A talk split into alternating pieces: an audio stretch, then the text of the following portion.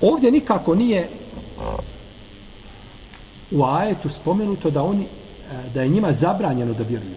Da uzvišeni Allah njima sprije, uzvišeni Allah nikoga nije spriječio da povjeruje. Nego čovjek svojim dijelima toliko mu srce pocrni da jednostavno nakon toga više ne može povjerovati. Kao što je bilo sa Ebu, s kim? Ebu Lehebom, je tako? Tebet jeda Ebi Leheb. On je toliko činio, toliko nedaća na nije poslaniku, sa osanem, i Ebu Džehl.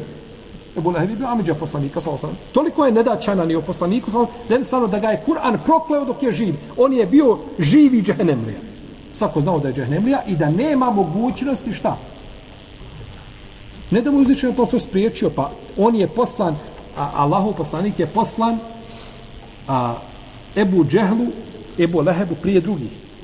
U enzira ašireteke lakrebin i pozivaj svoju najbližu šta? Rodbinu. Prvo njih, jer oni su najpreći da ih pozoveš. I zato je pozvao prve ljude do sebe. Koga pozvao?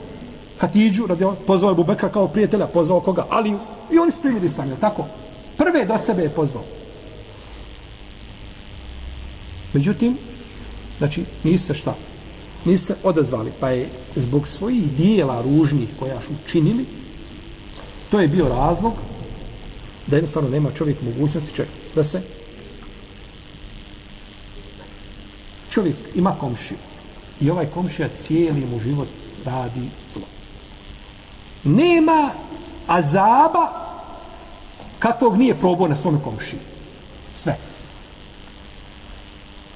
10, 15, 20 godina. I nakon toga shvati on da je on u krivu, da je komšija dobar čovjek, da je bogobojazan, da je on u stvari taj koji je pokvaren.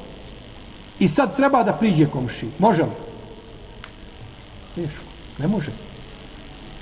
Toliko ima iza sebe a, a, neočišćenog puta da je sam ne može se us, usuditi na taj korak. E tako je bilo s ovim ljudima.